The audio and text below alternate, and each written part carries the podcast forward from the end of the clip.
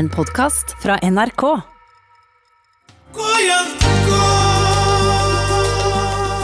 Afrika. Rikt på så mangt, men nedvurdert og utplyndret. Homo sapiens hjemland. Jordbruk og musikk. Filosofi, vitenskap og eldgamle byer. Nomadeliv og ulike samfunnsformer. Hør Afrikas historie fortalt på nytt. Tore Linné Eriksen har skrevet boka Afrika. Fra de første mennesker til i dag.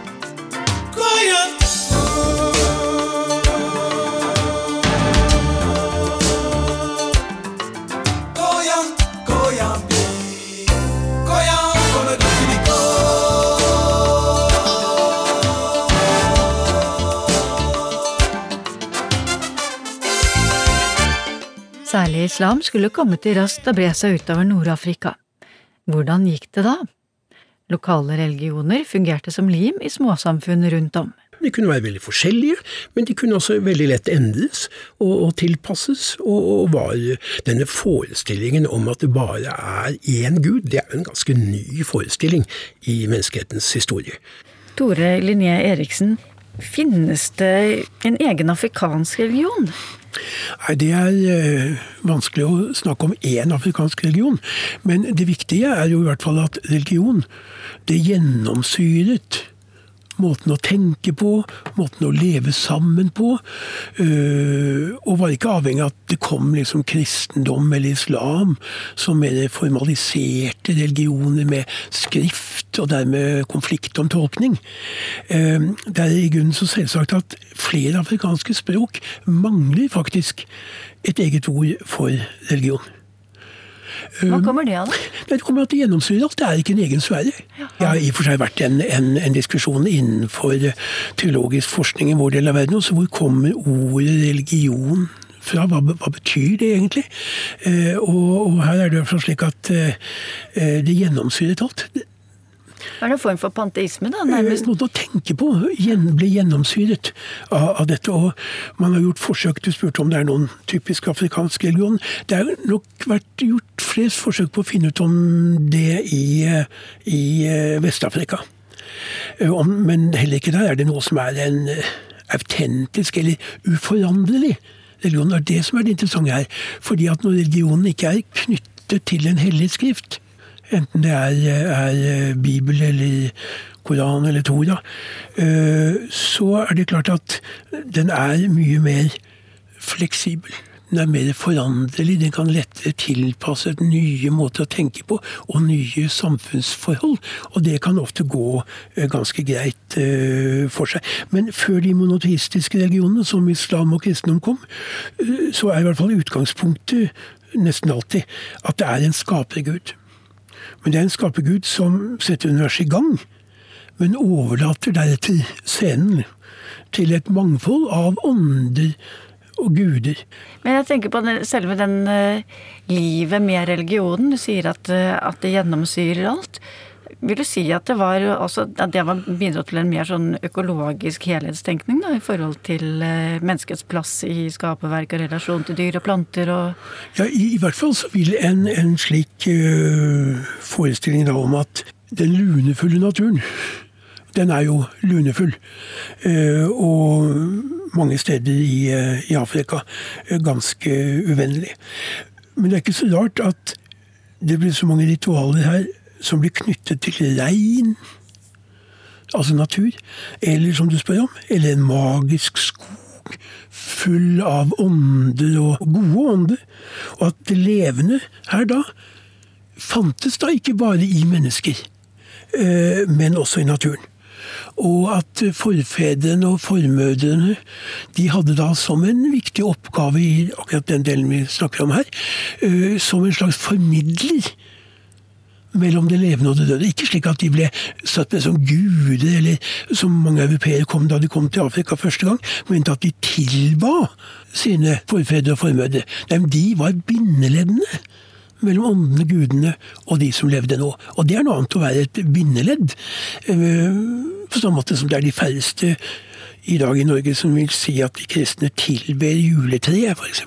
Mm.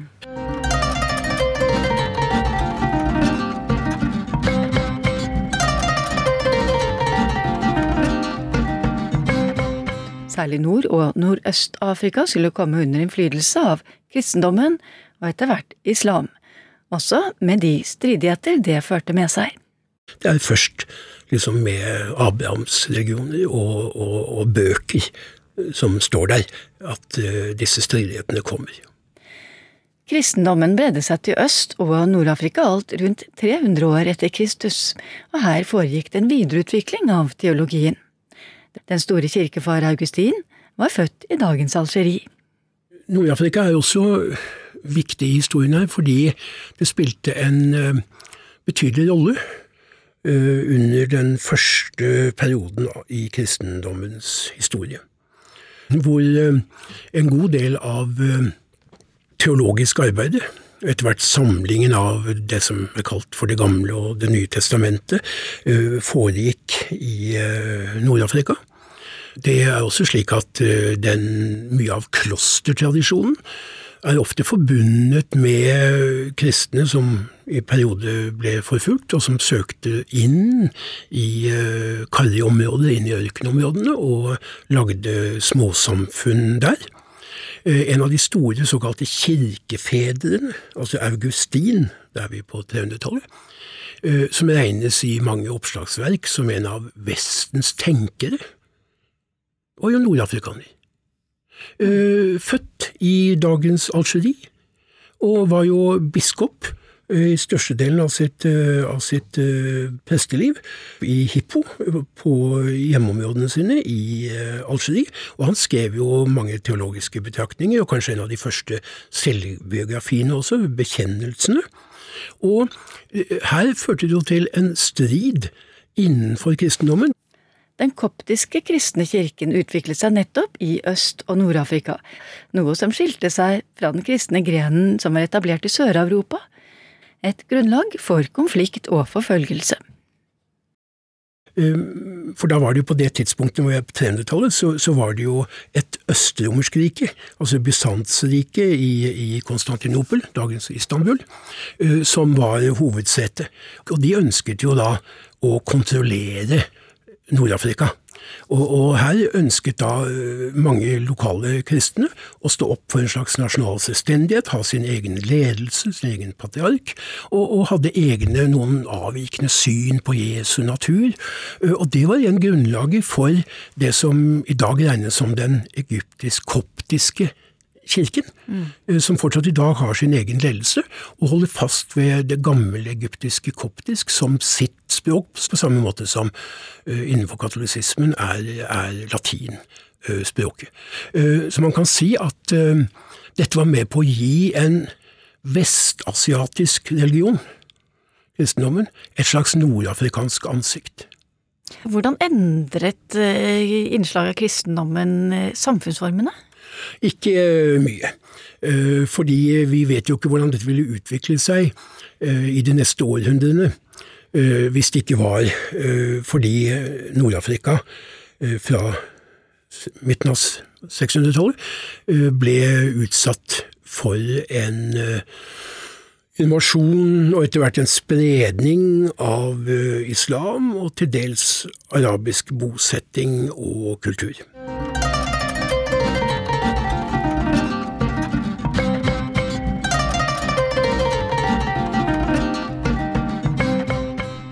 Det varte ikke mange år etter Muhammads død i 632 før den nye religionen hadde spredd seg til Syria, Palestina og Irak.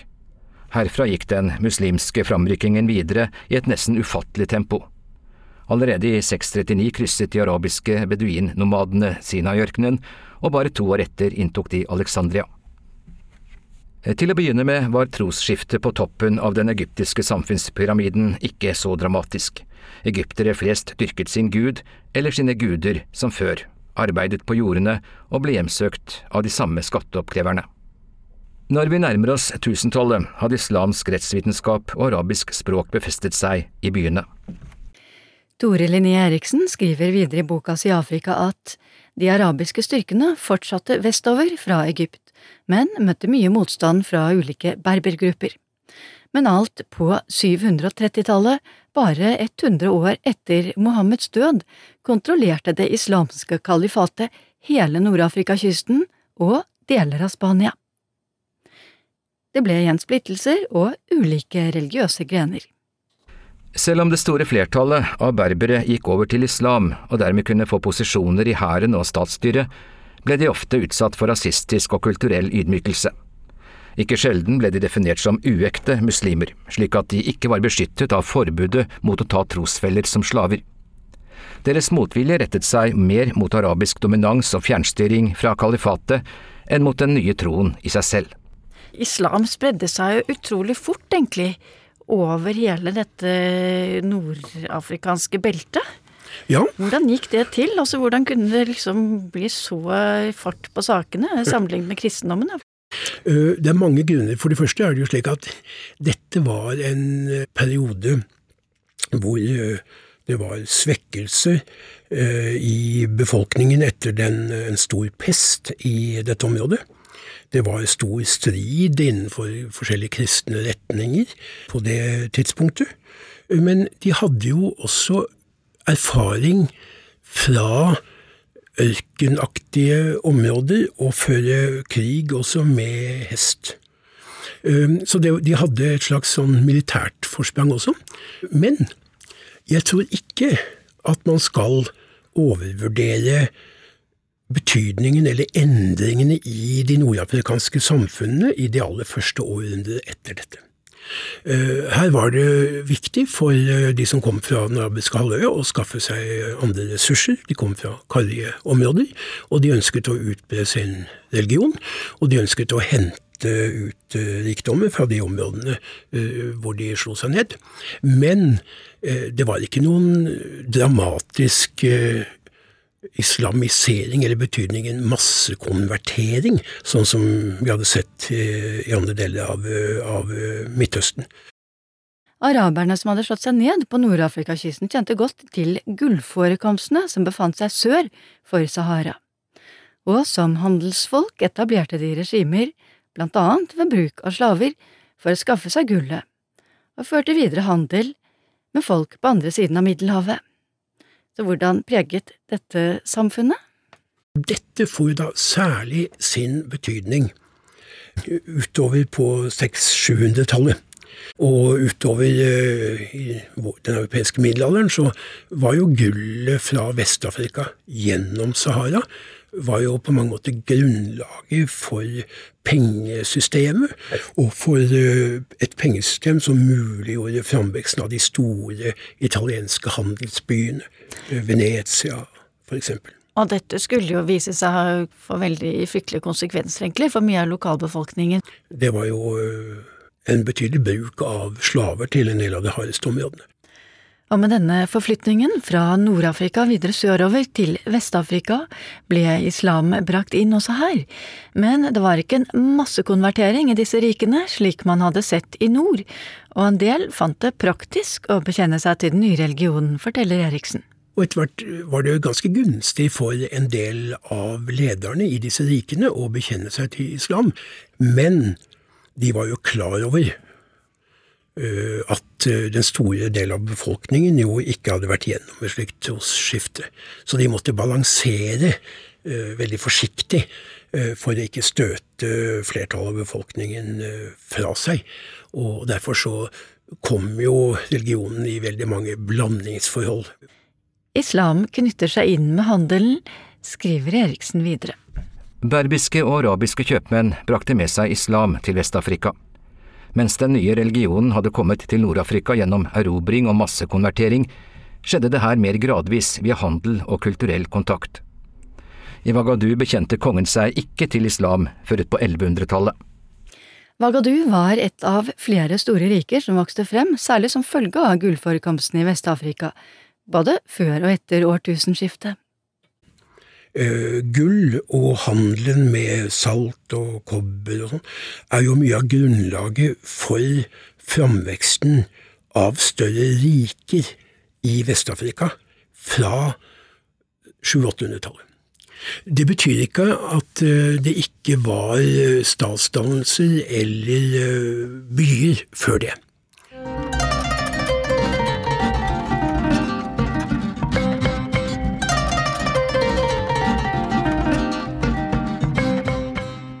1200-tallet regjerte det store Mali-riket, også omtalt som et imperium. Det hadde sitt utspring i den øvre delen av Niger og 2000 km innover fra Atlanterhavskysten. Malis gjennombrudd som internasjonal stormakt kom under herskeren Mansa Musas pilegrimsferd til Mekka i 1324, skriver Tore Linné Eriksen. Islamiseringen av det nordafrikanske beltet gjorde det nemlig enklere å reise til den arabiske halvøya, ettersom han overalt ble mottatt av sine egne. Mansa Musa er av enkelte omtalt som verdens rikeste mann noensinne, på grunn av gullet. Han hadde med seg store mengder gull og over tusen kameler på sin vandring gjennom Sahara mot Mekka. Og det skulle komme til å få store ringvirkninger, forteller Eriksen.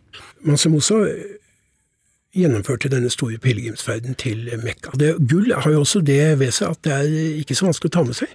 Det er liksom mye verre å ha sin rikdom knyttet til olje, som ikke er så lett å transportere på kamelryggen gjennom ørkenen. Eller korn, kanskje? Eller, eller korn. Så derfor så vakte det etter sigende, da, eh, og i og for seg etter en del uh, skriftlige kilder fra Kairo, hvor han var igjennom og oppholdt seg en tid før han reiste videre, at han var veldig rundhåndet og ønsket å vise, sånn som keisere ofte gjør, ønsker å vise fram sin makt. Og en form for å vise fram sin makt på er å gi folk gaver og få folk til å føle seg underdanige. Så han, etter sigende, skal ha brukt så mye gull i Kairo at det ble inflasjon og, og svekket pengesystem, økonomisk grunnlag. Eh, men han fikk jo med seg eh, en del eh, skriftlærere også på vei til Mekka, og på vei hjem så brukte han sitt gode rykte da, og sine tidligere gaver til å få med seg fra Kairo og andre deler av den islamske verden eh, arkitekter, jurister, teologer, eh, vitenskapsfolk tilbake. Mm. Og det er annet noe av grunnlaget for det store oppsvinget for byen Timbuktu, som jo var et handelssentrum. Og det ble, gjorde da at Timbuktu ble et lærdomssete for eh, teologi og for eh, vitenskap. Og det var, eh, kom lærere og studenter fra store deler av den islamske verden, særlig i Nord-Afrika, men også andre steder fra, for å være og arbeide i Timbuktu. Og det var kanskje 15 000 studenter eller noe. Mm. Og, og det ble samlet et fantastisk bibliotek med, med skrifter innenfor islamsk tradisjon, og det var jo en sterk da Eh, skriftspråkstradisjon på arabisk, og også i og for seg bruk av en del lokalspråk som ble skriftspråk med arabiske skrifttegn. Mange av disse skattene, eller visdommen, ble liksom bevart. Det ble sagt i Timbuktu, og ganske treffende, syns jeg, at uh, gullet kommer sørfra, og saltet kommer nordfra. Men fra Timbuktu kommer Guds ord og visdommens skatter. Da kan man jo si at eh, Mansa Musas eh, rundhåndet eh, bruk og ødsling kanskje av gull da, på sin reise brakte jo med seg store goder tilbake på andre vis? Ja, det ble et, et lærdomssenter. Og det har jo vart i den forstand at mye av det skriftlige materialet har vært bevart. Men som vi skjønner, ikke alle underla seg islamiseringen slik araberne brakte den med seg. Lokalbefolkningen i Nord-Afrika, berberne, hadde, som vi tidligere har hørt i denne serien om Afrika, greid å holde stand mot romerne før Kristus, i de første såkalte punikrigene i århundrene før vår tidsregning. Berberne var og er et selvstendig folk med egne samfunn, eget språk og kongedømmer. De greide å slå tilbake mot araberne. Berbernes selvstendiggjøring bidrar også til kimen til det som skulle bli den sjiamuslimske retningen innen islam. Det interessante er at selv om mange gikk over til islam, så sto de for en selvstendig kurs som brakte dem i konflikt med de arabisk-dominerte islamske rikene. Eh, og det førte til at eh, vi fra 900-1000-tallet eh, ser store berberopprør mot det dominerende kalifatet eller det dominerende uh, muslimske riket. Fordi de uh, hadde en mye mer, i tråd med berbiske samfunn, en mye sterkere egalitær tradisjon, altså større vekt på likhet, på selvstendighet. Og det gjorde at de uh, f.eks. mente at her kunne Eh, de eh, religiøse lederne, og i øverste instans da leder av et kalifat, eh, de behøvde ikke å, bli innsatt som en del av en arv direkte fra Muhammeds slektslinje, men man skulle ta hensyn til lokale talenter, og de hadde en viss sånn motstand mot hele liksom, hierarkiet. Men det var også et sosialt opprør og kamp for jord og for selvstendighet. Og det har å gjøre med at eh, også berbisk språk er jo ikke arabisk. Eh, så det å slå vakt om språk, nasjonale tradisjoner, sitt næringsgrunnlag er helt naturlig. Men, men, det viser hvor sterke og godt organiserte de var, da de kunne underlegge seg og slå tilbake et stort, eh, nesten islamsk verdensrike. Og i perioder så styrte jo også berberrikene deler av eh, den iberiske halvøya, Spania f.eks.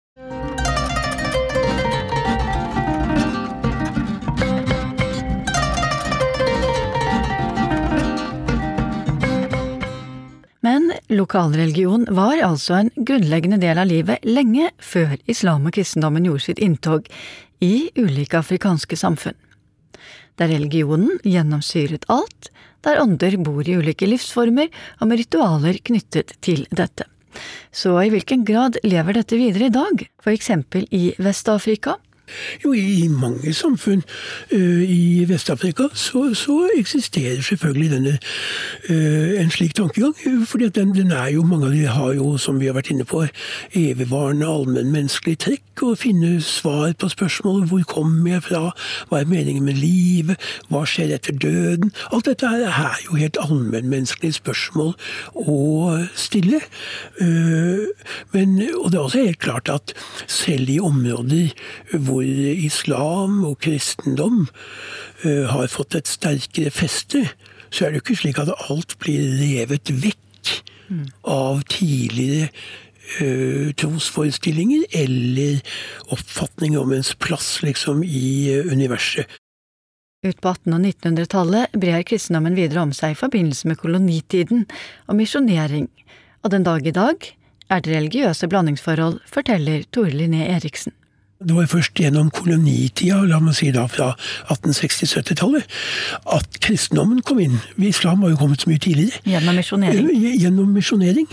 Og ikke minst gjennom uh, afrikanske prester, uh, som var de som sto for veldig mye av misjonsvirksomheten, også helt opp på biskopsnivå.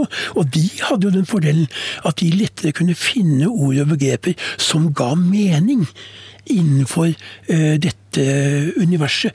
Og det var også slik at mye av skjønnlitteraturen i Afrika, som tar utgangspunkt i kolonitida, f.eks. den store nigerianske forfatteren Chinua Achebe har en bok som på norsk heter 'Mønster rakner', nettopp gått inn og sett på spenningen i samfunnet mellom eh, eh, en eh, forelder som holdt fast ved sin afrikanske religion, barn som gikk på kristne misjonsskoler, blandingen, det som på fint kalles for synkretisme. Og det spenningsfeltet der, det lever jo selvfølgelig videre i dag.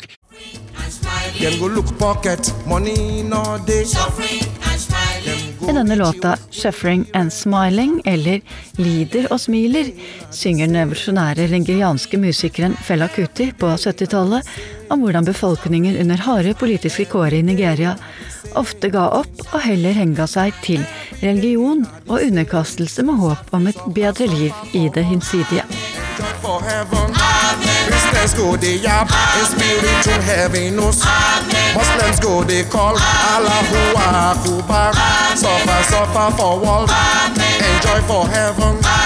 Christians go they yap in spiritual heaviness. Muslims go they call Allahu Akbar. How many, many, how many you go make? Many, many, many, many, how many you go make? Many, many. Ah,